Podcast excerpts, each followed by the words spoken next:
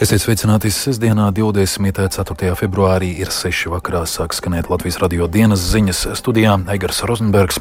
Daži temati, kas izskanēs turpmākajās minūtēs, apritot diviem gadiem kopš Krievijas pilna mēroga iebrukuma Ukrainā, Kīvā pulcējas rietumu līderi. Ukrainas atbalsta mītiņā pie brīvības pieminekļa piedalījušies vairāki simti cilvēku.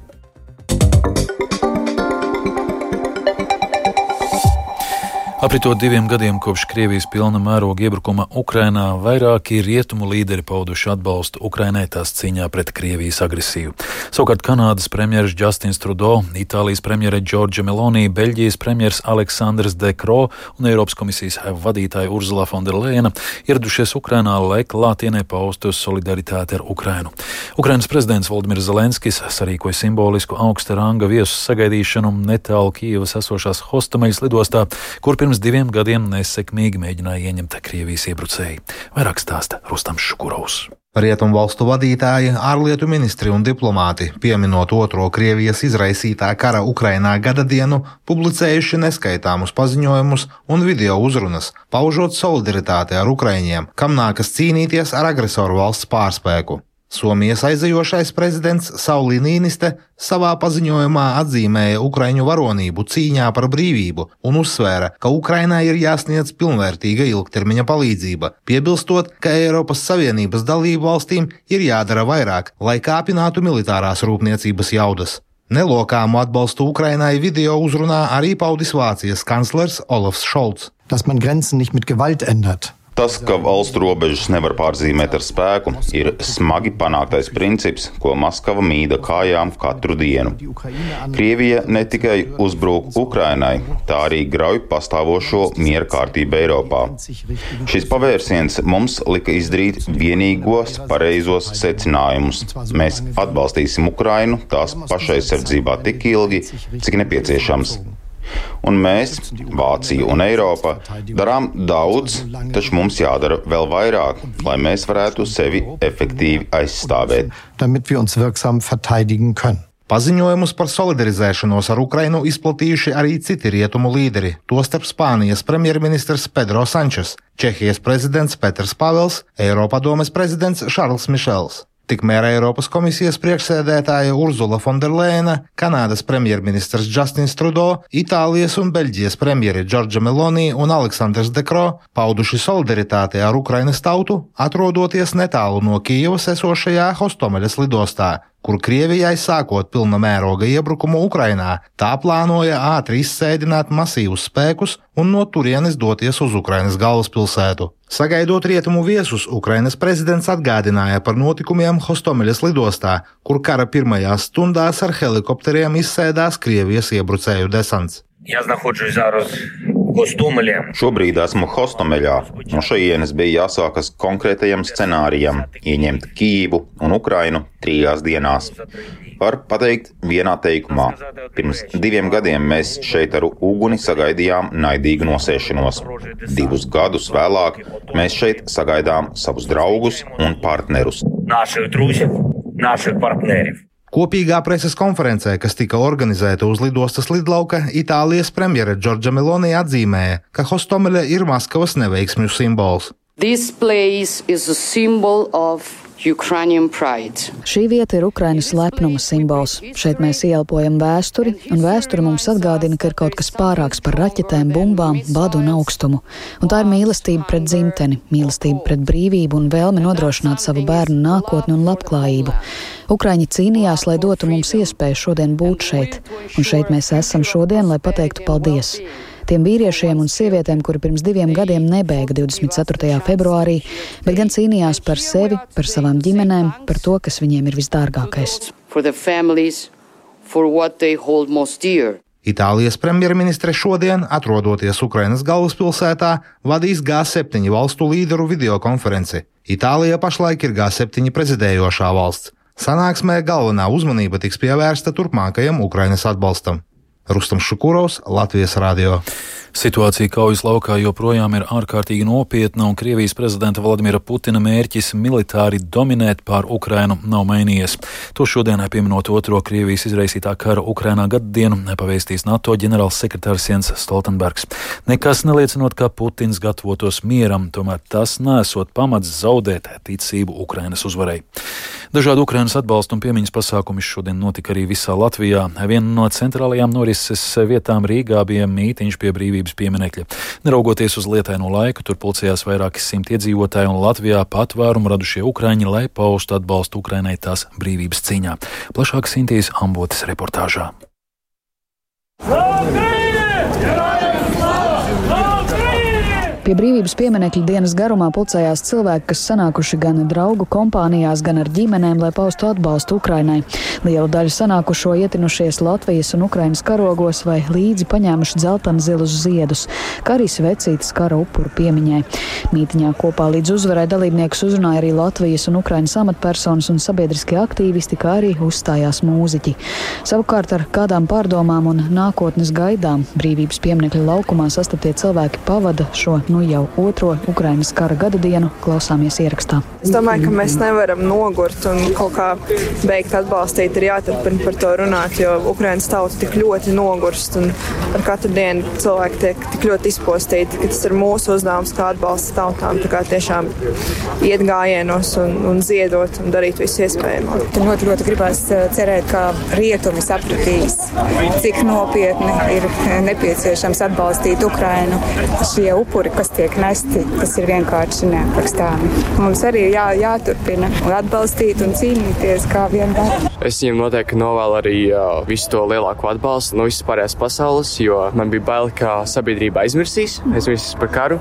Un mums arī ir 18, un uh, tas teikt, kā, nu, lielā mērā brīnīties par tomēr to apņēmību. Spēju vienkārši aiziet un par savu valsts stāvēt. Jā. Nu, tā diena, tāda, protams, ir skumja, tāpēc, ka ir pagājuši divi gadi, karš nav beidzies. Manā ieskatā rietumiem vajadzēja būt apņēmīgākiem, jo faktiski no nu, Ukraiņiem kaut kādā ziņā ar vienu roku dod, bet ar tā otru roku ir sasietais muguras. Viņi tā nevienlīdzīgos apstākļos cīnās. Un... Runā par šo dienu, kā šķiet, kas ir tās šīs dienas jēga arī nu, Latvijā tieši, nāk cilvēki. Karogiem jūs arī esat atnācis. Jā, tas, ka pasaulē tenīs ielās ir tie cilvēki, arī tiem, nu, politiski kaut kādā veidā ietekmē. Tā klātbūtne atnākšana ir tas, kas nu, parāda arī visiem pārējiem, ka mēs būsim kopā līdz Ukrainas uzvarai. Tur es iznācu. Tev ir karodziņš Ukrainas skaļs. Brīvību Ukrainai!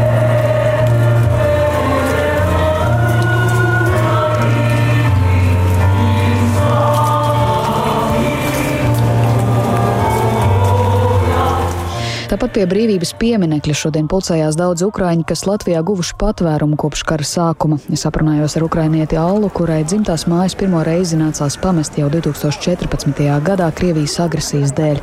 Vispirms no Doņetskas apgabala viņa pārcēlās uz citu Ukraiņas pilsētu un tagad divus gadus dzīvo Latvijā. Savukārt jauniete Bažena pilna mēroga kara sākumu piedzīvoja Kijevā, tagad dzīvo Rīgā un ļoti ilgojas pēc vecākiem. Tā bija, protams, viss, jau, viss nalāžano. Viss bija kārtībā, viss bija labi, un pēkšņi vairs nekā nav.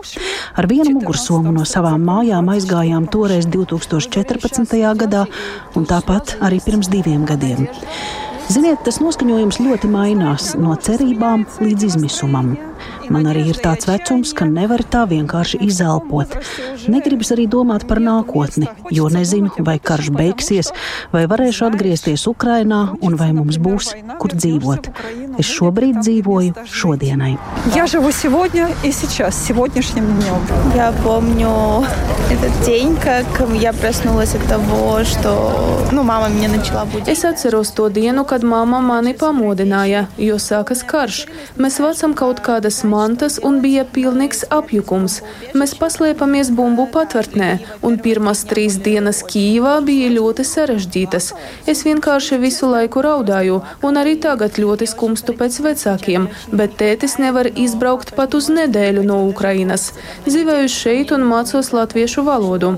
Iepriekš trīs mēnešus dzīvoju Vinnē, bet man Rīga šķiet tuvāka dvēselī, un arī esmu ļoti pateicīga latviešiem par atbalstu. Jūtos šeit kā mājās. Как дома себя чувствуешь? Cīt saknēs brīvas Latvijas zemes. Latviju! Slava Ukrainai! Sinti Ambote, Latvijas radio. Daugopilī vienības laukumā Ukrainas atbalsta pasākumā šodien pulcējās aptuveni 200-250 cilvēki, kas ir krietni vairāk nekā pērn, bet Reizeknē mītiņā pie pieminekļa vienota Latvijai ziedus un svecītas nolika 50 līdz 60 cilvēki. Teiktas arī emocionāls runas, pilsētu vadība gan neuzstājās, valsts policija dienu līdz šim vērtē kā mierīgi aizvadītu. Par citām vēstījumiem cietumā mirušā Krievijas opozīcijas līdera Aleksēna Navaļnie mirstīgās atliekas šodien beidzot atdotas viņa mātei. Par to informējusi politiķa presa preses sekretāra Kira Jārmīša piebilstot, ka vēl nav zināms, vai varas iestādes ļaus bērns sarīkot tā, kā ģimene vēlas un kā Aleksējs Navaļnīs pelnījis. Iepriekš Krievijas varas iestādes draudējuši sabedīt Navaļniju Arktikas cietumu kolonijā, kur viņš nomira, ja viņa ģimene nepiekritīs slēgtai bēru ceremonijai.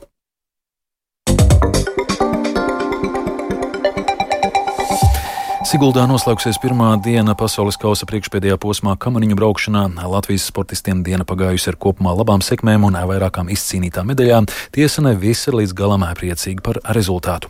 Vairāk par sacensībām kamaniņu sportā stāsta Māris Bergs.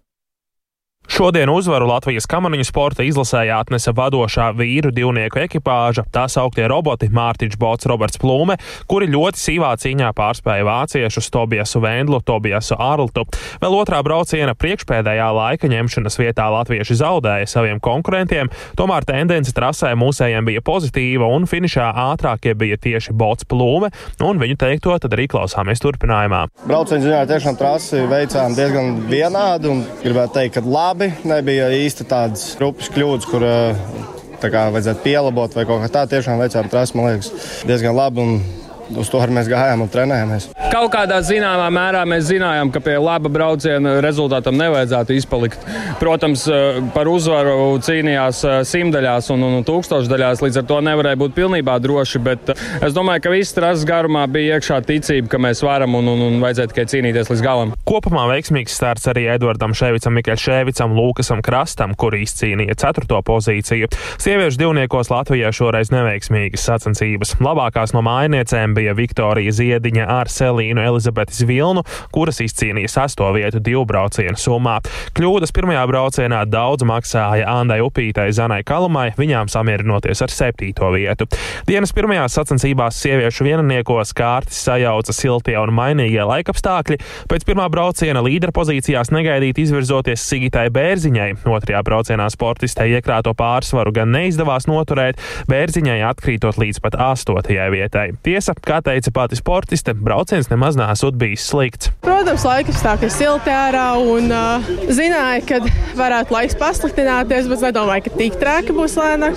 Bet nu, tās sacensības neko nevar darīt. Kaitē ir. Krietni veiksmīgāks otrais piegājiens padevās Elīnai Ievai Vītolai. Viņa pēc pirmā brauciena bija sastā, bet prata pakāpties augstāk izcīnot otro vietu. Sportiste pēc finiša kopumā bija apmierināta ar savu rezultātu, tomēr atzina, ka neliela kļūda iespējams maksāja uzvaru. Esmu apmierināta bet ir neliels rūkums, jo es zinu, kur man pazuda tas eh, mazais rezultātiņš, lai izcīnītu uzvaru. Tāpēc, eh, bet tā es esmu priecīga, ka mājas trasē esmu izcīnījis medaļu un eh, jā, esmu apmierināta. Lielisks otrais brauciens vieniniekos arī Zanai Kalumai, kura spēja pakāpties no 14. uz 6. vietu, bet vilšanās Kendijai Aparjodai, kura pēc pirmā mēģinājuma bija trešā, savukārt divu braucienu summā viņa septītā. Rīt sacensības Sigulā turpināsies ar startiem vīriešu vieniniekos, kā arī sprinta sacensībām. Māris Bergs, Latvijas radio. Izskan Latvijas radio dienas ziņas producents Edgars Kupčs, ierakstus montēja Uldis Grīnbergs, par labskaņu rūpējās Rita Kārnača studijā Egers Rozenbergs. Vēlreiz īsumā par svarīgāko. Aprito diviem gadiem kopš Krievijas pilna mēroga iebrukuma Ukrainā Kijavā pulcējas rietumu līderi. Ukrainas atbalsta mītiņā pie brīvības pieminekļa piedalījušies vairāki simti cilvēku. Vēl par laikapstākļiem. Yeah. Galvaspilsētas centrā plus 9 grādi brāzmainas dienvidu vējš, atmosfēras spiediens 753 mm, relatīvais gaisa mitrums 91%.